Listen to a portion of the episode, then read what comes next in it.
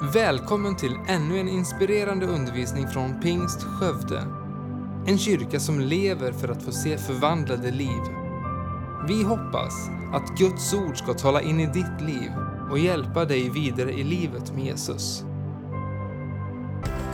Vill du veta mer om vår kyrka eller komma i kontakt med oss så besök gärna vår hemsida www.skövdepingst.se Underbart! Vad härligt det är att få sjunga lovsång tillsammans. Visst är det gott? Oj, oj, oj. Idag är det en härlig dag. Eller hur? Vi har kommit in i maj månad och det var snö första maj. Åh, vad gott. Nej, vet du vad? Nu så kom, tittade jag ut i morse och så var sken solen och jag kände äntligen så började det liksom hända någonting här. Eh, våren är på ingång. Jag älskar den här tiden. Jag tycker det är så gott när det börjar liksom myllra av liv. Man ser hur det börjar växa ute och det liksom, eh, ja, människor börjar komma ut. Man upptäcker att grannarna bor kvar och, och du vet, de upptäckte att jag också bodde kvar. Och, jag, jag tycker det är så härligt. Jag bor i radhus vet du och när man kommer ut där plötsligt så är det på baksidan eh, barnen ute och springer och ja, det bara är så härligt på något sätt. Jag älskar det där. Och, och så när man åker ut vet du, på landet lite så ser man att det börjar gro på, på åkrarna och de vilda djuren kommer fram. Och säsongen har börjat och jag känner yes. Du vet, jag har redan varit ute och tittat på rådjur och älgar och, och svinen jagar jag fortfarande men jag har inte hittat dem i år än. Men du vet, de kommer. Jag vill bara uppmuntra er än en gång, missa inte de här tillfällena att åka ut framåt åtta på kvällen, vet du. Ut i bushen tänkte jag säga, eh, för oss stadsbor här. Och så kör man, vet du, bara och letar efter dem. Va? Det är lika roligt varje gång man får komma nära och nästan springa ut och försöka jaga dem. Det ska ni inte riktigt göra, men jag har gjort det någon gång och de springer alltid ifrån mig. Och, och sådär. Men du vet, det är en härlig tid det där. Eh, och på något sätt så myllrar det av liv. Jag upptäckte det, jag gick ner på stan och så helt plötsligt kommer man till här till Johans torg och så bara är det fullt med människor. Du vet, solen har kommit så sitter de där och äter glass och du vet, man bara känner det, det, det är som ett myller av liv. Och när jag gick och tänkte på det där och satt här och förberedde så kände jag, vad jag ska predika om? Ja, men det är klart, full av liv blir ju temat på min predikan också, som är det här månadstemat vi har. Alltså, Gud är så full av liv. Det bara finns ett liv som flödar ut hela tiden. Så började jag studera Bibeln och tänkte så här, vad är liv för någon? Vad innebär liv? Och det kan man ju vända och vrida på ganska mycket, vad, vad liv är för någonting. Bibeln talar ju ganska mycket om liv och den talar om evigt liv. Och när jag börjar titta på det så inser jag, om det finns evigt liv så borde det ju finnas evig död, ja precis. Inte så kul att prata om det va, men finns det evigt liv så borde det ju finnas evig död också. Och du vet, jag börjar tänka på det så inser jag, det är klart, man, då vill man ju ha liv. Jag tror vi alla som sitter inne älskar livet, man älskar ju inte döden. Så vad underbart, jag var död. Man vill ju ha liv. Det är fantastiskt när det börjar gro, man ser hur det växer och, och hur livet bubblar på insidan. Och när man börjar tänka då, om det finns ett val mellan evigt liv och evig död, så vill man ju ha evigt liv. Och du vet, då kom det några berättelser till mig från Bibeln som jag blev så fascinerad över. Jag tänkte ta med det här på några ställen. Vi ska inte läsa hela stycket, utan jag ska mer berätta det för dig. Det står i Lukas 15, eh, där Jesus själv ger en liknelse Eh, först om ett mynt, sen om ett får och sen så ger han en liknelse om den förlorade sonen. Eller den vunne sonen kanske man ska säga. Eh, men då börjar han vet du, och säger att det finns två söner. En pappa han hade två söner. Och en dag så sa den yngre sonen till sin pappa, jag vill ha ut min del av arvet.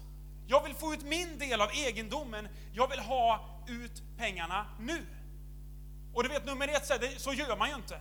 Man plockar ju inte ut ett arv från sina föräldrar i förtid, det får man ju när någon går bort, eller hem. Eller hur? Det är då man får ut sin del av arvet. Men här sonen, jag tror att det fanns en livstörst igen. Jag vill se någonting mer. Jag vill leva som vi säger, livet. Jag vill upptäcka något mer, jag vill resa härifrån. Jag går och gräver dag ut och dag in och bor på den här gården. Det måste finnas någonting mer. Så han kommer till sin pappa och säger, jag vill ha ut min del av arvet. Och jag tror att pappan, jag tänker mig när jag läser att han är ganska sorgsen, men ger ut sin del. Och så står det att sonen tar de här pengarna, reser till ett land långt borta och ett, ett, ett främmande land. Och när man börjar studera så inser man att sonen hade förmodligen aldrig tänkt att komma tillbaka igen. För vad han gjorde det var att han drog någon slags vanheder över hela familjen. Den yngste sonen har tagit ut arvet och bara sticker iväg med alla pengar. Pengar som förmodligen han skulle liksom förvaltat på ett helt annat sätt. Men så börjar man läsa om sonen då som, som förmodligen glad i hågen tänker, här ska jag leva livet vet du. Så har man ju alla känt någon gång. Här ska vi leva livet. Och så reser han ut och så börjar han, vet du, står det att han spenderar sina pengar på, jag tror att han är ute och dricker, vet du. Han festar loss och det står härliga till va. Klackarna i taket, fullt drag. Men så efter en tid så inser han, men det här, det, det måste finnas något mer. Han har provat det där men det verkar inte vara riktigt nog. Så jag tror han använder sina pengar, du vet, och han kanske köper massa nya kläder och grejer. Och inser nu då, nu börjar jag få massa nya vänner och nu börjar det kännas gott och nu är det bra vet du. Men så plötsligt så, så verkar det inte behaga honom heller. Och det står att han, att han spenderar sina pengar på att gå till prostituerade, till horor. Tänkte här kanske man finner någonting då, här kanske det är att leva livet. Men plötsligt så verkar det också vara över. Och så står han där och så har han inga pengar kvar och så står det att han inser livet är ganska tufft nu.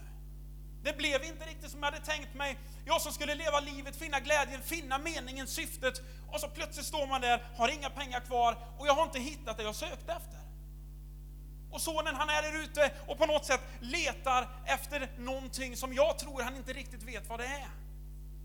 Och så står det att det kommer en hungersnöd då. Livet blir ganska tufft för honom. Och så börjar han göra du vet, en massa sysslor som är avskyvärda för honom. Han får ta de sämsta jobb som finns. Och mitt i allt elände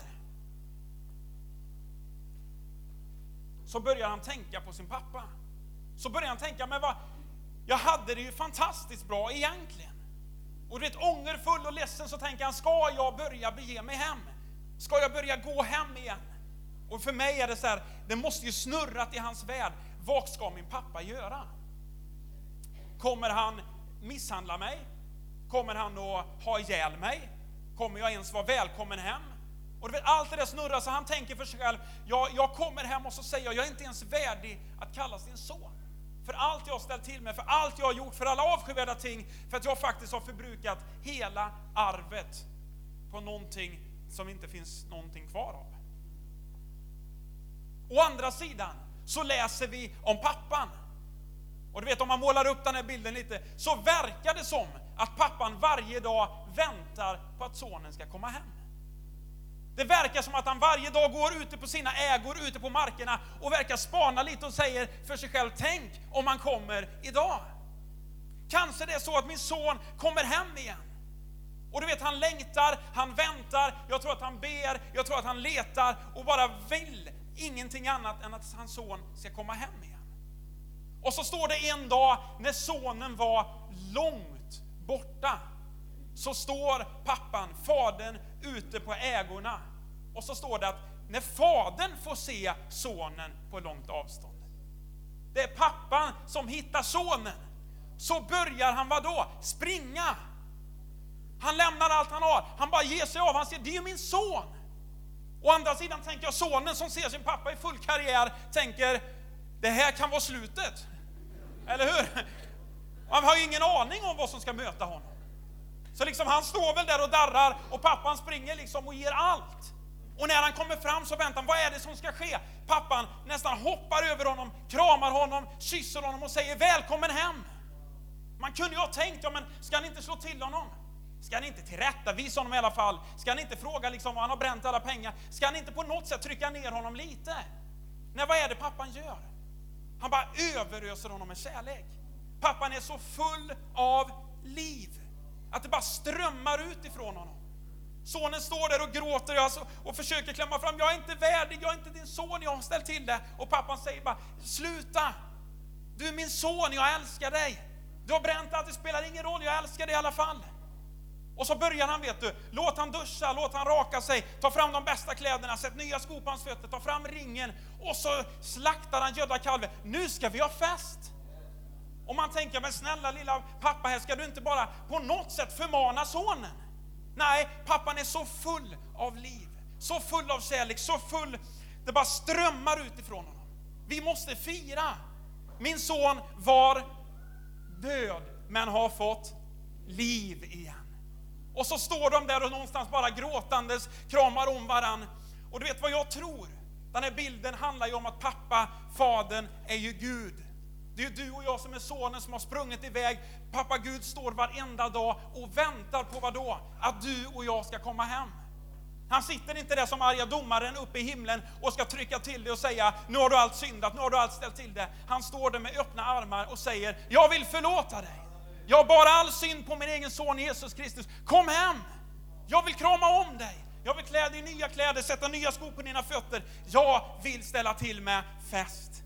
För du var död men har fått liv igen. Och du vet, det är precis så som jag tror Gud vill att det är med våra liv. I Johannes evangeliet kapitel 3 och vers 14 till 16, ett av de mest citerade bibelorden som finns tror jag.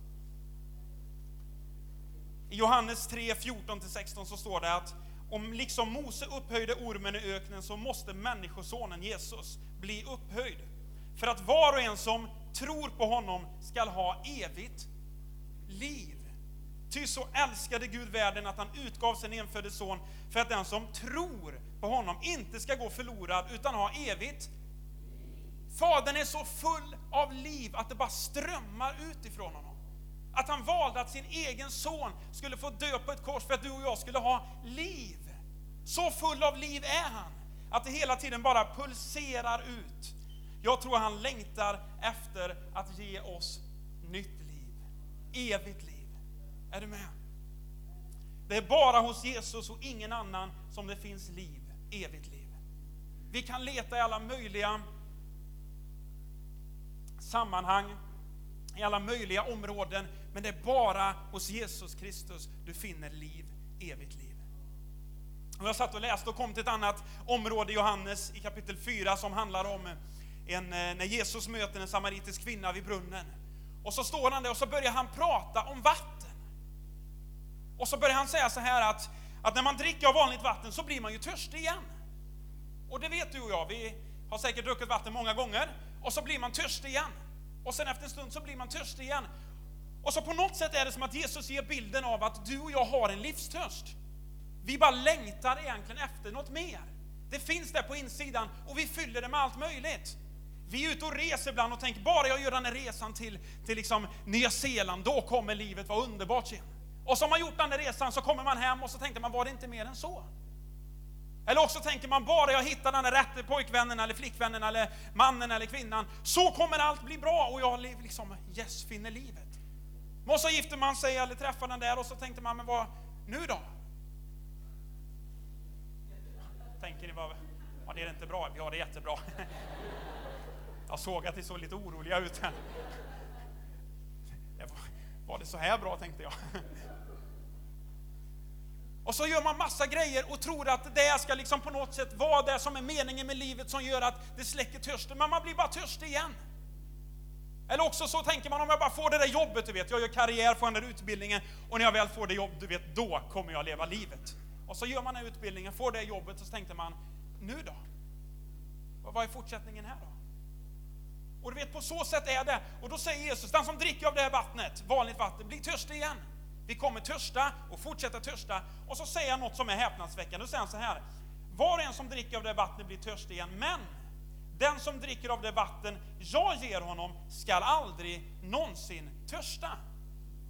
Jesus står där och säger, den som dricker av det vattnet som jag har kommer aldrig någonsin törsta. Har du tänkt? Aldrig någonsin törsta igen. Det vatten jag ger skall i honom bli en källa som flödar fram och ger evigt.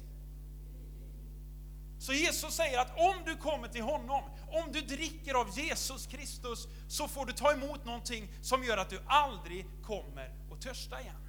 Och när du dricker av Jesus Kristus så blir det en källa på insidan som flödar fram och ger evigt liv. Förstår du vad full av liv Fadern är? Förstår du vilket liv som ständigt pulserar ut? Att han säger att om du bara kommer till Jesus. För Jesus står ju och ropar ut, om någon är törstig så kom till mig och drick. Han säger ju inte, om du har bett fem minuter varje dag i två år så kan du komma till mig. Om du har fastat liksom fyra gånger, då är du tillräckligt bra. Eller om du har gett tionde nu i fem år, då kan du komma till mig. Han säger, om någon törstar. så kom till mig och drick. Och så får du tag på levande vatten som flödar fram på insidan, som kommer bli en källa. En källa är någonting som flödar fram med fräschhet dag efter dag, efter dag, efter dag och som ger evigt liv. Det är vad som händer när Jesus flyttar in på insidan. Det är en källa som bara flödar fram. Och plötsligt, ja men säger du, vad, vad tråkigt, jag kan aldrig törsta, ska man bara sitta och vänta på någonting då? Nej men jag tror att det är livstörsten, är du med?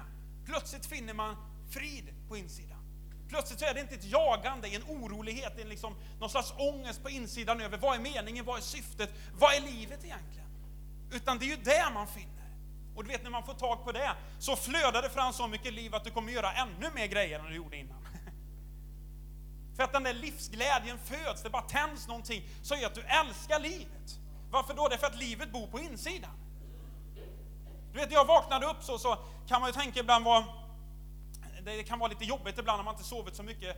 Och sen men så tänker man, ja men du, jag har ju Jesus boende på insidan. Och så börjar det bubbla vet du. Man vet ju knappt vad man ska göra och säger man, vilket liv jag har. Jesus bor på Underbart, vad ska vi hitta på idag vet du? Varför då? Därför jag får tag på liv, evigt liv. I Johannes kapitel 6 och vers 40 I Johannes kapitel 6 och vers 40 så står det så här. Ty detta är min faders vilja, att var och en som ser sonen och tror på honom skall ha evigt. Det är faderns vilja. Att var och en som tror på sonen, som ser på honom, ska ha evigt liv. Visst är det underbart? Och jag ska låta honom uppstå på den yttersta dagen. Förstå vilken far vi har. Det är hans vilja att när vi ser på Jesus och tror på honom ska vi få tag på liv, evigt liv. Då kan man tala om att Fadern är full av liv. Visst är det underbart? Börjar ni bli lite glada nu? Orkar ni med en liten stund till? Jag har knappt börjat. Du vet, jag, jag predikar mig ju glad, va? det är ju det som är så underbart när man predikar. Va? Jag, jag bara blir helt salig här. Jag hittade ett ställe till, kanske ett av de starkare tillfällena. Här har vi i, i Johannes igen är vi. Tror jag. Ska bara se. Jo men, jag håller mig till Johannes idag. Så kommer några fariseer och laglärare tror jag med. De har, de har kommit på en kvinna när hon begår äktenskapsbrott. Så att de tar henne, liksom live, släpar henne fram i folkmassan, fram till Jesus. Och du vet, här måste man bara stanna upp och bara tänka det scenariot. De här männen, som förmodligen var ledande män, tyckte sig väl vara lite bättre, lite för mer, lite duktigare än andra. Så hade de hittat en kvinna som begick äktenskapsbrott. En kvinna som hade lyckats ställa till det lite, som, som liksom levde lite fel. Och så tar de henne på bar gärning, har säkert väntat på tillfället. Kanske har följt efter henne många gånger och bara väntat på tillfället när hon skulle begå äktenskapsbrott för att hitta fel hos henne. Och när hon väl gör det så släpar de henne, de tar henne, jag vet inte om de tar henne helt naken eller om hon skyller på något sätt, släpar henne fram till Jesus, ställer henne mitt framför sig. Hon måste ju ha varit helt eh, liksom knäckt. Kan ni tänka er situationen? Framsläpandes inför massa människor och så står de där, ledarna, och säger den här kvinnan tog vi på bar gärning när hon begick äktenskapsbrott.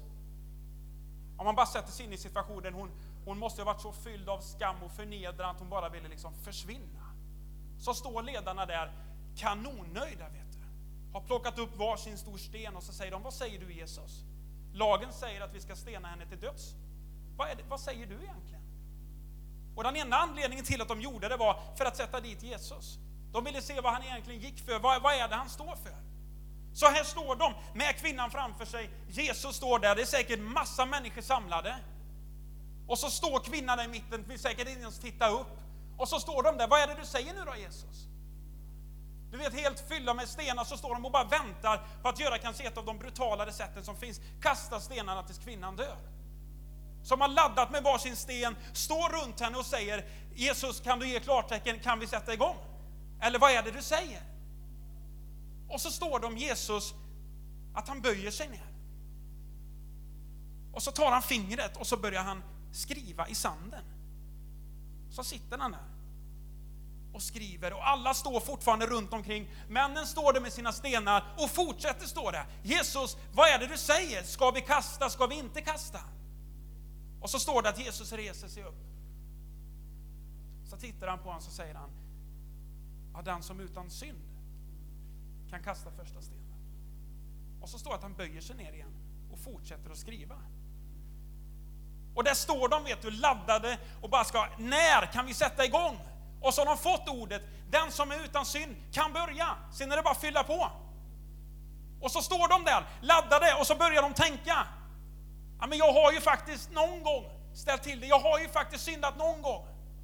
Och så står det att de äldste började att gå därifrån. Släppte säkert ner sina, sina stenar och insåg, vi har också gjort fel. Vi har också syndat, vi har också ställt till det. Och en efter en börjar gå därifrån.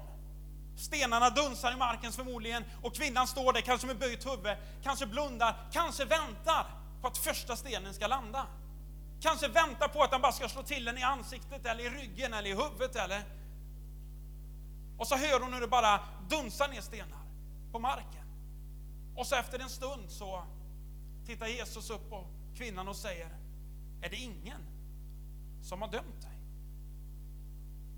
Hon tittar säkert otroligt skamsen upp och säger, nej herre, ingen. Och Jesus säger, inte heller jag dömer dig. Gå och synda inte mer. Och jag menar, här var ju läget av Jesus att kunna sätta dit henne. Hon hade ju begått fel, hon hade ju synd. Skulle han inte döma nu då? Ja, vad är det Jesus säger? Inte heller jag dömer dig. Så full av liv, så full av liv att det bara strömmar ut. Han tittar på henne, han tillrättavisar inte. Han säger liksom inget annat än gå och synda, inte mer.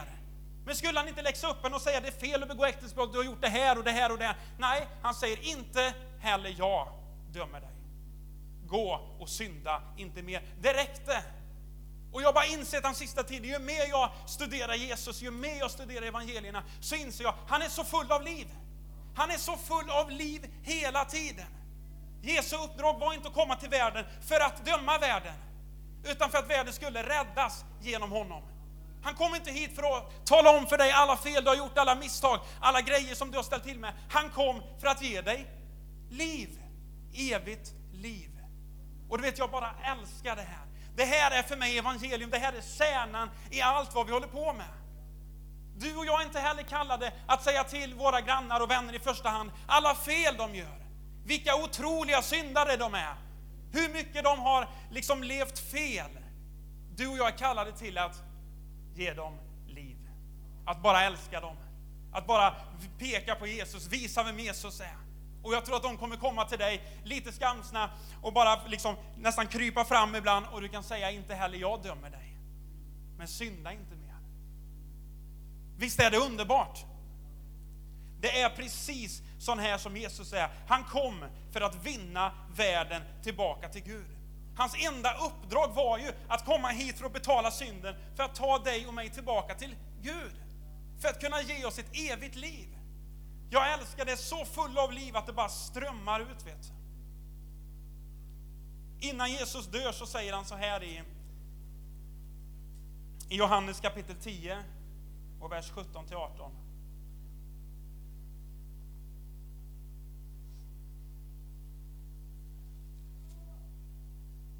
I Johannes kapitel 10 vers 17-18 så står det Fadern älskar mig därför att jag ger mitt liv för att sedan ta det tillbaka. Ingen tar det ifrån mig, utan jag ger det av fri vilja. Jag har makt att ge det och jag har makt att ta det tillbaka, det budet jag har fått av min fader. Jag fascineras så att det var ingen som tog Jesu liv. Han gav sitt liv. Det var ingen som tog hans liv, han gav det för att kunna ge liv till dig och mig. Ibland säger jag, men de misslyckades, vet de dödade Jesus, det var ingen som liksom tog hans liv, han gav sitt liv. För att kunna ge dig och mig evigt liv. Fortsätter man lite längre fram så, så läser man när Jesus kommer, han är arresterad, han står inför Pontius Pilatus, som frågar ut honom sak efter sak efter sak. Och så kommer man till, eh, till kapitel 18 och vers 36, där Jesus svarar på en av frågorna så här, mitt rike är inte av den här världen. Hade Om mitt rike vore av den här världen så hade mina tjänare kämpat för att jag inte skulle bli överlämnad åt judarna. Men nu är mitt rike inte av den här världen. Kan du tänka, om det nu var så att livet bara hade handlat om det som levdes här, så måste ju lärjungarna ha gjort allt för att Jesus inte skulle bli dödad.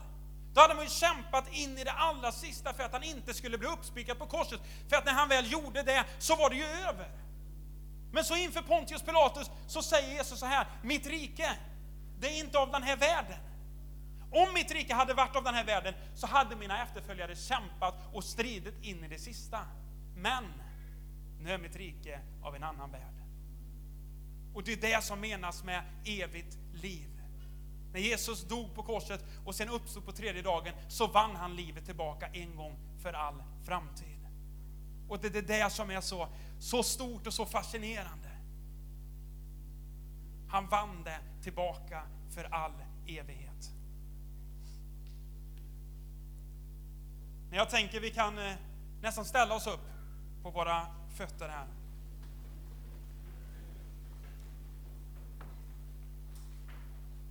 Ni får jättegärna komma fram lovsångarna här.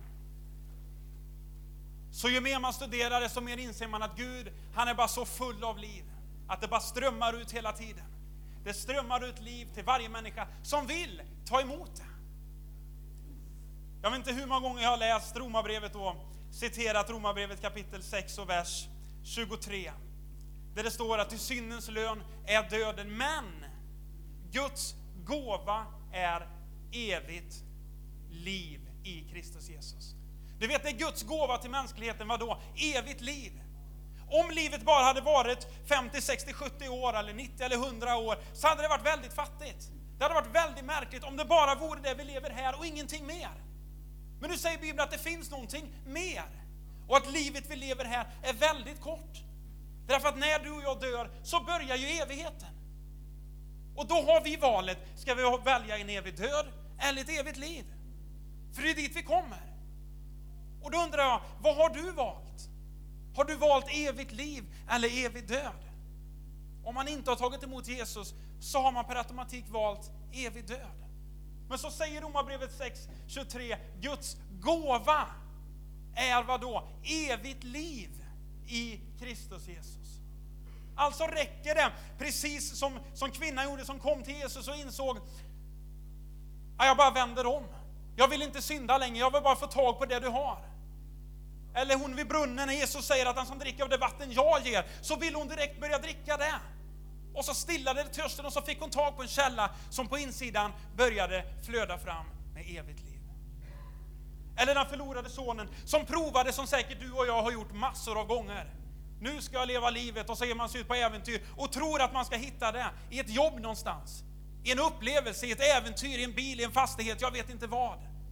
Men så upptäcker man när man väl har fått det där, så var det ingenting mer. Tills han bara insåg att när jag sprang tillbaka till pappa, när jag sprang tillbaka till Gud, så fick jag tag på evigt liv. Så fick jag tag på syndernas förlåt, så fick jag tag på någonting som är mer värt än allt annat. Och jag skulle önska den här söndagen, när vi alla står här, så vill jag än en gång bara fråga, och vi kan väl bara blunda med respekt för varandra, böja vår huvuden en liten stund. För det kanske är så att det finns människor här inne som ännu inte har tagit emot evigt liv. Människor som ännu inte har sagt sitt ja till Jesus. Människor som ännu inte har låtit den där källan få flytta in på insidan, flöda fram med evigt liv. Och då säger du, ja men jag har inte, jag är inte tillräckligt bra, eller jag har inte lyckats, eller jag är inte värdig. Och vi har precis läst om kvinnan som hade begått äktenskapsbrott som togs på bar gärning. Hon var inte heller värdig, men Jesus gjorde henne värdig. Och du vet, Jesus längtar efter att göra dig värdig den här dagen. Han längtar efter att förlåta synder. Han längtar efter att lyfta av bördor. Han längtar efter att ge dig liv den här förmiddagen. Och medan alla blundar där inne så vill jag fråga om du finns här inne som vill ta emot Jesus Kristus. Om du vill, finns här inne som vill ta emot det liv som han har att erbjuda. Så kommer jag inte plocka fram det, jag kommer inte peka ut det, utan medan alla blundar där inne så frågar jag nu om du finns här och vill ta emot det så kan du bara räcka upp din hand. Medan alla blundar här inne. Om du finns här så är det bara att lyfta sin hand en liten stund. Som ett tecken mellan dig och Gud. Jesus. Tack Jesus. Vi har inte bråttom här idag. Jag vill, jag vill verkligen ge det tillfället. För att det här är bland de mest avgörande och de viktigaste besluten vi kan ta. Och jag är inte här för att pressa fram någonting eller få upp så många händer, det är inte det det handlar om. Jag bara längtar efter att fler människor skulle upptäcka vem Jesus är. Om du finns här så, så bara lyft handen i så fall. Så ska vi be tillsammans. Jesus. Tack Jesus, tack Jesus, tack Jesus. Fader i himlen så tackar jag dig för att du är en suverän Gud, Herre. Tack att du är en Gud som är full av liv, Herre. Tack att du bara ständigt strömmar ut liv ifrån dig, Herre. Tack att det är så mycket liv att du valde att ge din egen son för att vi skulle kunna få tag på syndernas förlåtelse och ett evigt liv. Tack att du valde att låta honom komma hit till den här världen för att betala det pris som ingen annan kunde betala. Tack Jesus för att det är du som är våran frälsare. Tack att det är du som är vägen, sanningen och livet. Tack att det är först när vi kommer till dig som vi får tag på det vi längtar efter, det vi egentligen letar efter, det vi springer och jagar efter. Tack att det är bara hos dig Jesus som vi kan få tag på det där. Tack Herre för alla de beslut som jag tror faktiskt tas här inne den här söndag förmiddagen. Tack för varje människa som på något sätt bara får göra ett heligt beslut inför dig Gud just nu. Tack att du rör vid deras hjärtan, tack att du möter med dem Herre, tack att du talar till dem Herre, tack att du faktiskt låter ditt verk få ske i deras hjärtan just nu Herre. Tack att du låter din kärlek, precis som Faderns kärlek, strömmar ut till Sonen Herre. På samma sätt så är jag övertygad om att i den här stunden så strömmar din kärlek ut till många människor här inne. Människor som kanske har sprungit bort, människor som kanske har dött eller människor som har levt ett helt annat liv. Tack att du med din kärlek just nu bara möter med människor. Det bara strömmar ut liv, det bara strömmar ut liv. Fader, jag tackar dig för det i Jesu namn. I Jesu namn. Amen. Tack för att du lyssnat. Titta gärna in på vår hemsida www.skövdepingst.se för att få veta mer om oss. Och glöm inte att du alltid är välkommen till vår kyrka